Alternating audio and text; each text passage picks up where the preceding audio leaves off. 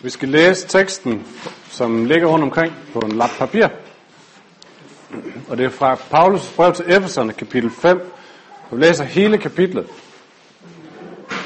Så bare heads up. I skal ligne Gud som hans kære børn og vandre i kærlighed, ligesom Kristus elskede os og gav sig selv hen for os som en gave og et offer til Gud, en livlig duft. Men utugt og al slags urenhed og griskhed må end ikke nævnes i blandt jer. Det sømmer sig ikke for hellige. Heller ikke skamløshed og tåbelig snak eller overfladisk vid. Det passer sig ikke, men derimod taksigelse. For det skal I vide, at ingen utugt eller uren eller grisk, det er det samme som en afgudstyrker, har lod og del i Kristi og Guds rige. Lad ingen føre jer bag lyset med tomme ord, for det er den slags, der nedkalder Guds vrede over ulydighedens børn. Gør derfor ikke fællessag med dem. For en gang var I mørke, men nu er I lys i Herren. Lev som lysets børn, for lysets frugt er lutter godhed, retfærdighed og sandhed. Lad kun det gælde, som behager Herren, og tag ikke del i mørkets frugtesløse gerninger, men afslør dem. For man skammer sig ved blot at nævne, hvad de gør i det skjulte. Men alting kommer for dagen, når det afsløres af lyset. For alt, hvad der kommer for dagen, er lys. Derfor hedder det, vågn op, du som sover. Stå op fra de døde, og Kristus vil lyse for dig. Se derfor til, hvordan I lever, ikke som uvise, men som vise. Brug det gunstige øjeblik, for dagen er onde. Vær derfor ikke tåbelige, men forstå, hvad der er Herrens vilje. Der er ikke beruset i vin, det fører til udskejelser, men lad jer fylde af ånden. Tal til hinanden med salmer, hymner og åndelige sange. Syng og spil af hjertet for Herren. Og sig altid Gud, Far, tak for alt i vor Herre Jesu Kristi navn. I skal underordne jer under hinanden i ærefrygt for Kristus. I hustruer under jeres mænd som under Herren. For en mand er sin hustrus hoved, ligesom Kristus er kirkens hoved og sit lægemes frelser. Ligesom kirken underordner sig under Kristus, sådan skal, I også, skal også I hustruer underordne jer under jeres mænd i alt. Mænd, elsk jeres hustruer, ligesom Kristus har elsket kirken og givet sig hen for den, for at hellige den ved at rense den i badet med vand ved ordet. For at føre kirken frem for sig i herlighed, uden mindste plet eller rynke, hellig og lydefri. Sådan bør også mændene elske deres hustruer som deres eget læme. Den, der elsker sin hustru, elsker sig selv, For ingen hader jo sin egen krop, men nærer og plejer den, som Kristus gør med kirken. For vi er lemmer på hans læme. Derfor skal en mand forlade sin far og mor og binde sig til sin hustru, og de to skal blive ét kød. Dette rummer en stor hemmelighed. Jeg sigter til Kristus og kirken, men det gælder også jer, at I hver især skal elske jeres hustru som jer selv, og hustruen skal have ærefrygt for sin mand. Amen. I kender godt øh, sikkert den her fornemmelse, man sidder til et selskab, og pludselig er der en i selskabet, der begynder at køre ud af en tangent. Øhm, han, han, han fortsætter med at snakke noget der, hvor han egentlig burde være stoppet, og det bliver mere og mere pinligt, og man får mere og mere lysten til at, at gemme sig, eller til at sige, hold, hold, nu, hold nu lige mund. Det bliver pinligt, det her. Jeg ved ikke, måske er han ved at gå for meget i detaljer med konens ammeproblemer, eller med sine hemorrider, eller et eller andet. Man ved bare, stop nu, inden det bliver pinligt. Men han fortsætter, og han fortsætter. Øh, og til sidst så har man lyst til bare at sige, hold nu op, slut. Det er lidt sådan, man kan have det med Paulus' tekst i dag. Jeg mener ikke det her med ægteskabet og kvinder og mænd. Det kommer vi ikke til at snakke så meget om i dag, det gemmer vi til, ægtes- til bryllupperne. Men, men med det andet, han siger, kan man have den her fornemmelse. Paulus, nu går du simpelthen over gevind. Nu må du stoppe. Du, du skulle lige have holdt øh, et par meter før. Vi er i anden halvdel af Efeserbrevet. Og lad os lige minde os selv om, første halvdel handler om, øh, hvad det er, vi får, når vi bliver kristne. Det er det, Paulus bruger de første tre kapitler på. Alt det, vi får, når vi begynder at tro på Gud. Og anden halvdel handler om, men hvordan er det så, vi begynder at leve, når vi tror på Gud. Og det er den rigtige rækkefølge, Vi begynder ikke at leve på en bestemt måde for at blive kristne. Men vi lever på en bestemt måde, fordi vi er kristne. Vi er kristne, og derfor lever vi på en bestemt måde. Og det er det, Paulus han har stillet op i første og anden halvdel her. Og nu er vi altså i anden halvdel.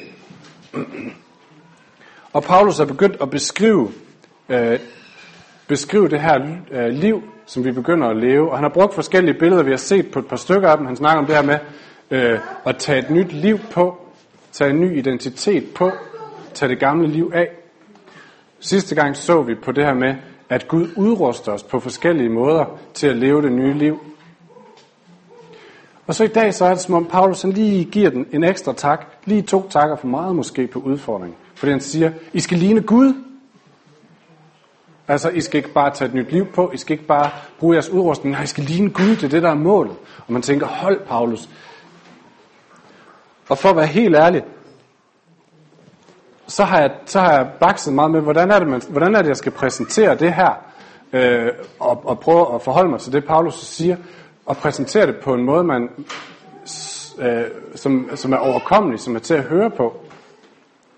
Øh, men han siger, I skal ligne Gud. Det er super hæftigt. Hvordan er det? Ej, den er fin, den der. Men kan du ikke lige løbe ind med den ind til morgen ved siden af? Hvordan,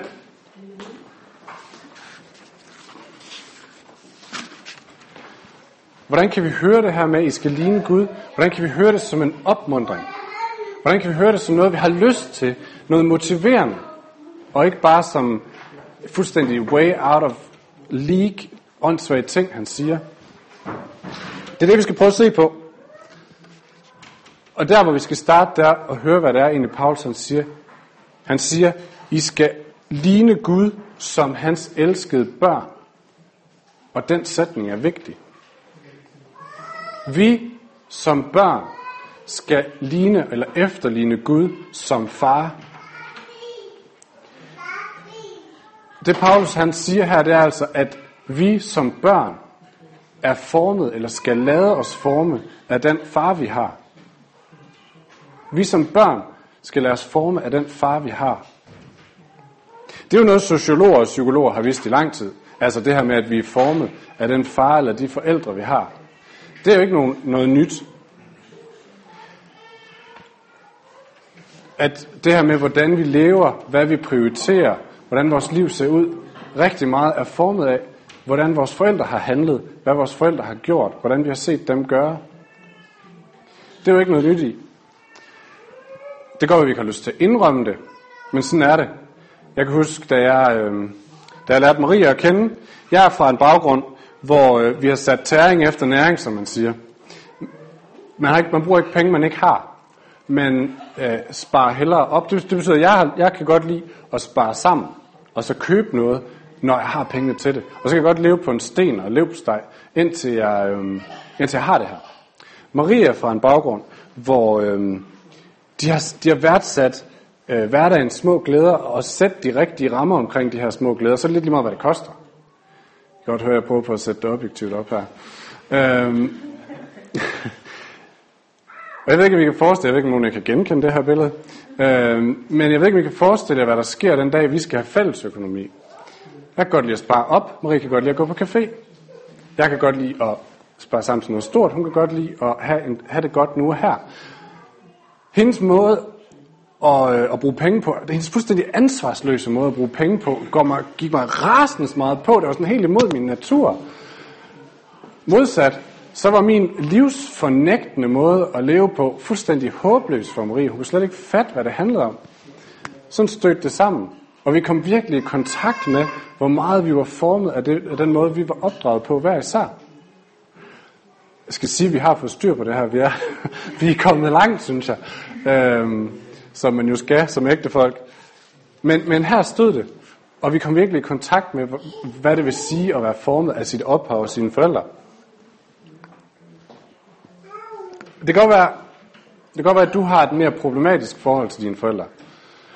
Det kan godt være, at dine forældre har været for lidt til stede, øh, eller hvis de har været mentalt til, jeg ved det, har været fysisk til stede, så har de ikke været mentalt til stede. Det kan godt være, at de har øh, sat for hårde grænser. Måske har de slet ikke sat nogen grænser. Det kan godt være, at de har, du altid har oplevet, at du ikke var god nok, når dine forældre så på dig. Det kan også godt være, at du aldrig nogensinde har oplevet at få givet et ansvar, fordi de, de har ikke forventet noget af dig. Så det kan godt være, hvis, hvis du har det sådan, hvis du har sådan et forhold til dine forældre, så kan det godt være, at du bruger mere ressourcer på nu at gøre op med det, du ser har præget dig. Så hver gang du opdager, at du handler som dine forældre, så prøver du egentlig på at handle anderledes, fordi du vil ikke være ligesom de var. Og sådan er det altid, når vi opdager de her ting, hvordan vi former os for at være vores forældre. Vi har to muligheder.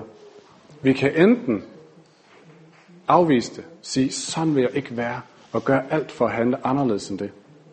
Eller vi kan sige, det er faktisk en god ting. Det vil jeg gerne se mere af i mit liv. Det vil jeg gerne skal præge mit liv, eller min familie, eller mit ægteskab. De to muligheder, afvise det, handle anderledes, eller forsøg at fremelske den, den, den handling mere.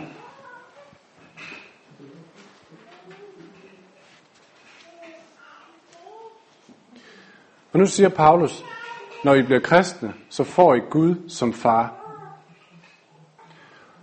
Og ligesom vi bliver formet af vores jordiske forældre, så bliver vi også formet af vores himmelske far. Det er det, Paulus siger her. Hvis I begynder at have Gud som far, så vil I blive formet af det, af sådan som han er. Hans måde at være på, hans måde at handle på, hans måde at se på verden på, se på mennesker på. Det vil begynde at forme jer. Det vil begynde at ændre på jer, hvis I har Gud som far. Er det godt eller skidt, kan man så spørge. Er, er det noget, man har lyst til at gå ind i den her formning, eller vil man hellere forsøge at handle modsat? Og Paulus til det spørgsmål, der siger Paulus, prøv at kigge på hans søn. Prøv at kigge på Kristus. Det siger han lige i samme sætning. Ligesom Kristus elskede os og gav sig selv hen for os som en gave og et offer til Gud, en livlig duft.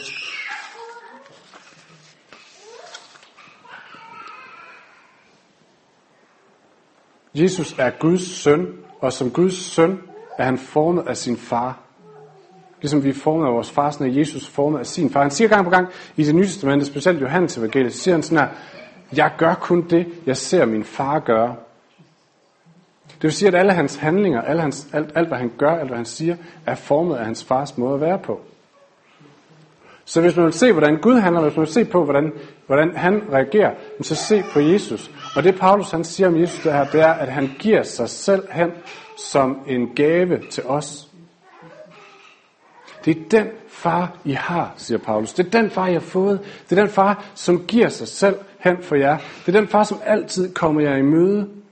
Glem alt om den uretfærdige far. Glem alt om den far, som ikke ser jer, som ikke er til stede, som hele tiden har for store forventninger, eller har for små forventninger. Det er ikke den far, I har. Den far, I har, det er den far, som altid giver sig selv for jer. Den far, som altid kommer jer i møde og gør alt for at være sammen med jer. Det er den far, I har fået.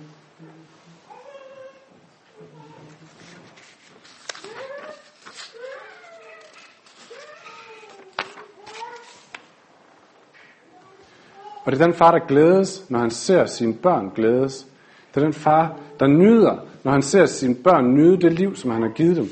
Det er også den far, der bliver rasende, når han ser sine børn lide. Som bliver tændt af vrede og raseri over at se sine børn lide. Det er den far, der bliver fyldt af lidelse, når han ser sine børn lide. Som, som græder med dem. Som ynkes med dem. Og så siger Paulus den sidste ting. Så siger han, det er også den far, som handler over for det her. Det er den far, der bliver glad. Det er den far, der bliver rasende. Det er den far, der lider. Og det er den far, der handler. Han handlede, dengang han gav slip på sin egen søn, gav slip på sit eget liv, for at vi kan få liv.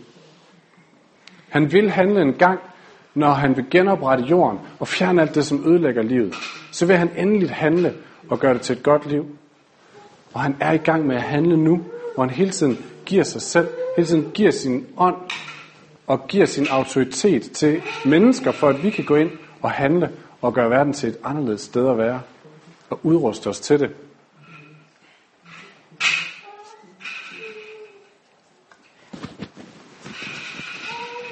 Vi vil blive formet, hvis vi har Gud som far, siger Paulus. Vi vil blive formet af det. Og vi kan igen vælge de to måder at reagere på. Vi kan vælge at afvise det og handle anderledes. Eller vi kan vælge at give fokus til det, når vi ser det i vores liv. Vi kan vælge at give det opmærksomhed og sige, det her, det vil jeg faktisk gerne gå ind i, det vil jeg gerne se mere af, det vil jeg gerne se mere af ske. En af de ting, min far var god til, da jeg var barn, det var at øh, holde fast i nogle traditioner. Blandt andet, at vi skulle på tur om lørdagen. Vi skulle i skoven om lørdagen. Det var så lige meget, om vi ville eller ikke, så skulle vi på tur om lørdagen. Og jeg kan se det i mit eget liv nu. Jeg kan se, når det bliver lørdag, så har jeg lyst til at komme på tur. Det, det er simpelthen blevet indgroet så meget i, at det gør vi i fællesskab. Øh, men det, at, at jeg har arvet det, gør jo ikke, at vi så er på tur lørdag. Nej, det kræver, at jeg går ind og siger, at det er faktisk en god ting. Det vil jeg bære videre. Det vil jeg handle på. Og så skal jeg tage den igennem med min kone øh, og med mine børn, og sørge for, at vi kommer afsted. Jeg har, fået, jeg har arvet og fået givet det her, at jeg, jeg, vil, jeg vil det gerne, jeg har lyst til det. Men det kommer ikke af sig selv. Jeg bliver nødt til at give fokus til det. Og det er de to måder, vi kan handle også i forhold til det, vi ser Gud gøre i os. Så for nu at blive konkret, hvordan ser det så ud, at Gud former os? Hvordan kan vi se det? Hvordan ser det ud? Og jeg tror, der er to ting at sige. For det første, så gør Gud noget forskelligt i os alle sammen. Det er forskellige ting, der vil forme, forme os. Det er forskellige ting i hver især af os, som Gud er i gang med at forme, for at få os til at ligne ham mere. Ligesom vi så på sidste gang, at vi udrustede forskelligt øh, af Gud, så er der også forskellige ting i os, som vil blive formet af vores far. Men det, der er fælles for os alle sammen, det er, at vi bliver formet til at komme til at ligne Gud mere. Den Gud, som hele tiden giver sig selv for os, som hele tiden opsøger os. Vi vil komme til at ligne ham mere. Hvordan kan man så se, hvad det er, der bliver formet? Hvordan opdager man det? Hvis nu, hvis nu man siger, at jeg vil gerne give fokus til det, hvordan opdager jeg det så? Øhm, jeg tror, begynd at give fokus, eller, eller begynd at være opmærksom på det. Begynd at se, hvad sker der? Hvad gør Gud i mig? Øhm, hvor er det, han rører i mig? Hvor er det, hvad er det for nogle ting, han rører ved? Er det noget i mine relationer til mennesker? Er det noget i min måde at bruge min tid på? Når jeg er sammen med andre, eller min måde at bruge min tid på, når jeg er alene? Er det noget i mit forhold til min familie? I forhold til mit arbejde? Hvad er det for nogle områder, hvor jeg, hvor jeg kan opleve, at Gud han er ved at røre ved nogle ting? Og så prøv at give det fokus. Snak med Gud om det. Hvad er det, du vil mig, Gud? Hvor, hvor, hvordan er det, jeg skal komme igennem det her? Eller hvor er det, hvor er det du vil have mig hen? Og en udansk måde er så prøv at snakke med en ven om det. Prøv, at, prøv at spørge en ven. Det er meget udansk der. Prøv at spørge en ven. Hvor minder jeg dig om Gud? Det er et mærkeligt spørgsmål. Men egentlig, reelt nok, hvis I har en mikromarker eller en anden i del af de her ting, men så prøv at spørge, hvor minder jeg dig om Gud? Hvad er det for nogle ting med mig, som egentlig minder dig om Gud? Fordi det kan være en god indikator på, hvor er det Gud er ved at bevæge nogle ting i mig? Hvad er det, han er ved at ændre i mig? Så det er det første. Han gør noget forskelligt, og vi kan begynde at være opmærksom på det. Det andet er, at Paulus nævner her tre konkrete ting, hvor han siger, det her, det er noget, som alle øh, Guds børn vil blive formet i. Og de tre ting vil vi lige prøve hurtigt at se på. For det første så siger Paulus, børn af Gud vil være taknemmelige for det, de har, i stedet for bare at forsøge at skrabe mere og mere til sig. Guds børn er altså taknemmelige for det, de har. Sex er det sted, Gud tager udgangspunkt, eller ikke Gud, Paulus tager udgangspunkt. Og det gør han ikke bare, fordi det er en god måde at fange folks opmærksomhed på, men det gør han også, fordi at det er relevant ind i den tid, han snakker ind i. Det er, øhm, det er en samtid, som er præget af et forhold til sex, der hedder, det er noget, jeg skal tage, det er noget, jeg skal have, det er et behov, jeg skal have dækket. Vi ved fra arkeologiske fund, at de områder, Paulus var i her, øh, var præget af masser af fri sex, og øh, mange skiftende partnere, og der var altså flere religioner havde ligefrem lavet kult omkring, det her det var det religiøse sprog, det var sex. Så tilgangen til sex var, det er noget, jeg skal have, det er bare noget, jeg skal tage, det er noget, jeg skal skrabe til mig. Og det er ikke fordi Paulus han taler imod sex, sådan som nogen tror, overhovedet ikke. Han taler bare imod et forhold til sex, der siger, det er noget, jeg skal have, det er noget, jeg skal tage, det er et behov, jeg bare skal have dækket. Og Paulus han bruger den indgang her til at sige, For det første, det forhold skal I ikke have til sex, for det ødelægger det. Men for det andet, det forhold skal I ikke have til nogen ting i verden. Det står i sammensætning som griskhed og tåbelig snak og den slags. Vi skal ikke have det her forhold til noget i verden, at I bare skal tage og tage og tage. Fordi, hvor ender det henne? Jamen det ender med, at vi hver især får malet os op i en krog med alle de ting, jeg har fået, fået samlet til mig. Og så sidder vi ellers i hver vores krog. Ligner vi Gud? Ligner vi den Gud, der altid er i gang med at give sig selv? Nej. Nej, begynd at vise taknemmelighed, siger Paulus. Begynd at se på alt det, I har, som en gave fra den Gud, som altid vil give dig alt, hvad du har brug for. Og se, hvad det gør ved dig. Og en helt konkret øvelse i det her, der er, begynd, øv dig i taknemmelighed. Det kan man godt. Det behøver ikke være en følelse. Man kan godt starte der, hvor man siger, nu vil jeg ramse op de ting, jeg er taknemmelig for. Og prøve at gøre det hver morgen, hver aften. Hvad for nogle ting er jeg egentlig glad for, jeg har haft, eller fået lov at se, eller fået lov at opleve i dag. Begynd at se, at det er gaver fra den Gud, som vil give dig alt. Så det er det første. Taknemmelighed. Det næste. Nej, lad mig lige misforstå mig ikke. Det handler ikke om, at vi ikke må få nogle gode ting. Det handler ikke om, at vi ikke må have nogle gode ting. Men der er en kæmpe stor forskel på at sige, jeg skal have, jeg skal have, jeg skal have. Og så på at se, at jeg har fået tingene givet som gave. Okay? Det er det første. Det næste, Paulus han snakker her om, at Guds børn kender Guds tid, og så handler de vist, i stedet for uvist. Så Guds børn er vise. Når Paulus snakker om visdom her, så handler det om tid. Og mange af jer er egentlig gode til at handle vist med tid. Det er vi nødt til i den kultur, vi lever i. Hvis vi vil igennem en uddannelse, så bliver vi nødt til at lære at handle vist med vores tid. Hvis vi vil ovenikøbet have børn, eller et arbejde, eller en kirke, eller en omgangskreds, så bliver vi nødt til at handle vist med vores tid. Vi bliver nødt til at være bevidste om, hvad er det, jeg vil prioritere, hvad er det, jeg vil have i min kalender, og så sørge for at få det i først, for ellers så når vi det ikke. Så vi er faktisk enormt gode til at handle vist med vores tid i vores, øh, vores, vores samfund i dag. Vi er rigtig gode til at handle vist. Og det siger Paulus. Hvis du vil give fokus til det Gud former i dig, så bliver du nødt til at begynde at handle vist med det også. Så skal du ikke handle tåbeligt og bare tro, det kommer af sig selv. Og bare sådan have sådan en forestilling om, hvis Gud vil forme noget i mig, så må han jo gøre det. Og så øh, bruger jeg altså min tid, som jeg plejer. Nej, du bliver nødt til at handle vist, siger Paulus. Du bliver nødt til at give fokus til det. Og du bliver nødt til at putte det, putte det i din kalender og bruge tid på det. Ellers så er man dum, siger Paulus. Det vil være åndssvagt andet. Og så bliver tiden bare noget, der skyller hen over os, og vi lader os bare flyde med. Det skal vi ikke gøre, siger Paulus. Der er en mulighed for at stoppe op og bruge tiden vist.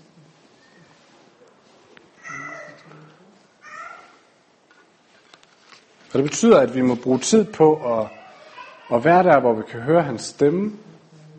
Vi må bruge tid sammen med de mennesker, som han sender os til. De mennesker, som kan lede os videre. Eller de mennesker, som vi kan være med til at lede videre. Prioritere de her ting. Og Paulus siger, at dagen er onde. Det er et voldsomt udtryk. Det jeg tror, han mener her, det er, der er nok af ting, der vil forhindre os i at handle vist med vores tid. Og det ved, altså det, det ved vi godt. Hvis ikke, hvis ikke vi beslutter os for, hvad vi vil gøre, jamen så tager tiden os. Og så når vi ikke at få gjort noget af det, vi vil. Sådan er det på alle områder af vores liv. Stop op, siger Paulus. Begynd at handle vist i stedet for. Konkret øvelse. Sæt dig ned med din kalender og med din kæreste eller ægtefælle. Beslut dig for, hvordan handler jeg vist med min tid. Hvordan giver jeg fokus til de ting, jeg gerne vil have, skal forme mig. Og den det var, nummer, det var den anden ting. Guds børn kender Guds tid og handler vist. Den tredje. Guds børn ser mere på deres ressourcer, end på deres udfordring. Guds børn ser mere på de ressourcer, de har, end på de udfordringer, de har. Der er kun én måde, hvordan vi kan begynde at give fokus til det, Gud han former i os, og så ikke brænde ud eller blive stresset, eller blive frustreret. Der er kun én måde, og det er ved at se på de ressourcer, Gud giver og Gud stiller til rådighed, siger Paulus. Så det er den sidste udfordring, Paulus giver her, det er, begynd at se, begynd at se på det, din far allerede former i dig. i stedet for at se på det, som du burde gøre. Se på det, Gud gør i dig, i stedet for det, du, burde, du synes, du burde gøre anderledes. Og Paulus siger, drik ikke fuld af vin. Fuld af vin. Hvorfor siger han det? Jo, det siger han, fordi det er den typiske måde, det var det dengang, og det er det i dag, det er den typiske måde at flygte fra udfordringer eller problemer på. Hvis du har haft en stresset uge, du har haft for meget på program, jeg ved godt, det er ikke det, det store issue her, men billedet kan vi godt forholde os til. Hvis vi har haft en stresset uge, hvad gør folk? De drikker sig i hegnet. Fordi hvad er det, alkohol gør? Det får os til at glemme vores problemer. Det er faktisk, det er faktisk den tekniske funktion af alkohol. Det ved sådan nogen, der er, er mediciner. Jeg ved ikke, hvad det hedder på dansk, men på engelsk er det, hedder det, at det er en depressant. Altså det er noget, der undertrykker. Det er simpelthen den tekniske funktion af alkohol. Det undertrykker vores følelser. Så grunden til, at man bliver glad, når man drikker alkohol, det er, at man glemmer sine problemer. Fordi alkohol undertrykker problemer. Paulus taler igen ikke imod alkohol som sådan, men han siger, lad være med at gå til problemerne på den her måde, at I bare glemmer dem. Det Paulus siger i stedet for det er, lad jer fylde af ånden. Fordi ånden gør det stik modsatte af alkohol. Ånden fjerner ikke fokus fra dine problemer, men ånden gør dig mere opmærksom på de ressourcer, du har. Ånden gør dig mere opmærksom på de ressourcer, du har til at komme igennem dine udfordringer eller dine problemer på. Den fjerner ikke dine problemer. Den fjerner måske ikke engang fokus fra dine problemer. Men den viser dig, at du har, hvad der skal til for at komme igennem. For det har Gud givet dig. Og derfor kan du være glad. Så derfor siger Paulus, drik ikke fuld, så I glemmer jeres problemer, men lad jer fylde af ånden, så I ser, hvor meget I har til at komme igennem de her problemer med.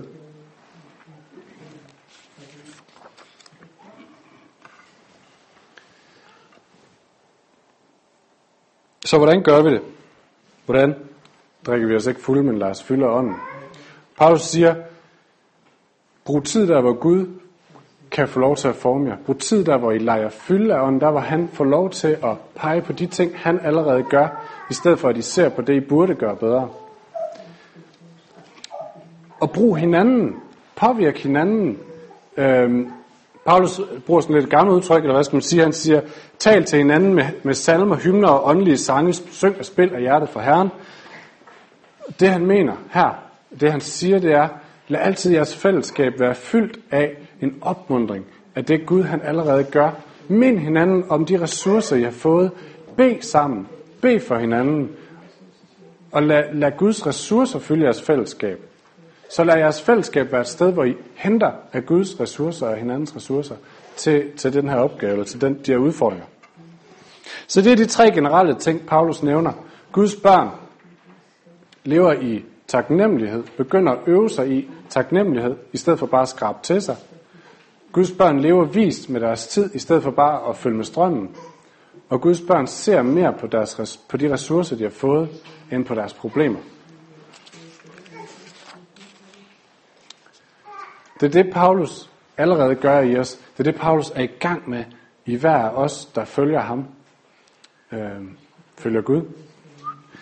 Øh, men hvis vi begynder at give fokus til det her, hvis vi ser det, og begynder at leve i det, og lægger mærke til, hvad Gud gør i os, så vil vi blive formet mere og mere til at ligne Gud. Hvor udfordrende det end lyder. Så det er noget, Gud gør i os, og hvis vi giver fokus til det, så vil han, få os, så vil han lede os til at ligne ham mere og mere. Og så vil verden få endnu mere billede af, hvem Gud er, fordi vi er til stede i verden. Og ved at kigge på os, kan folk se Gud. Det lyder sindssygt, men det er faktisk det, Paulus siger. De kan få lov til at se lidt mere af, hvem er den Gud, som elsker dig. Den Gud, som altid vil give sig selv, altid er i gang med at give sig selv for dig. Lad os rejse os op og bede sammen.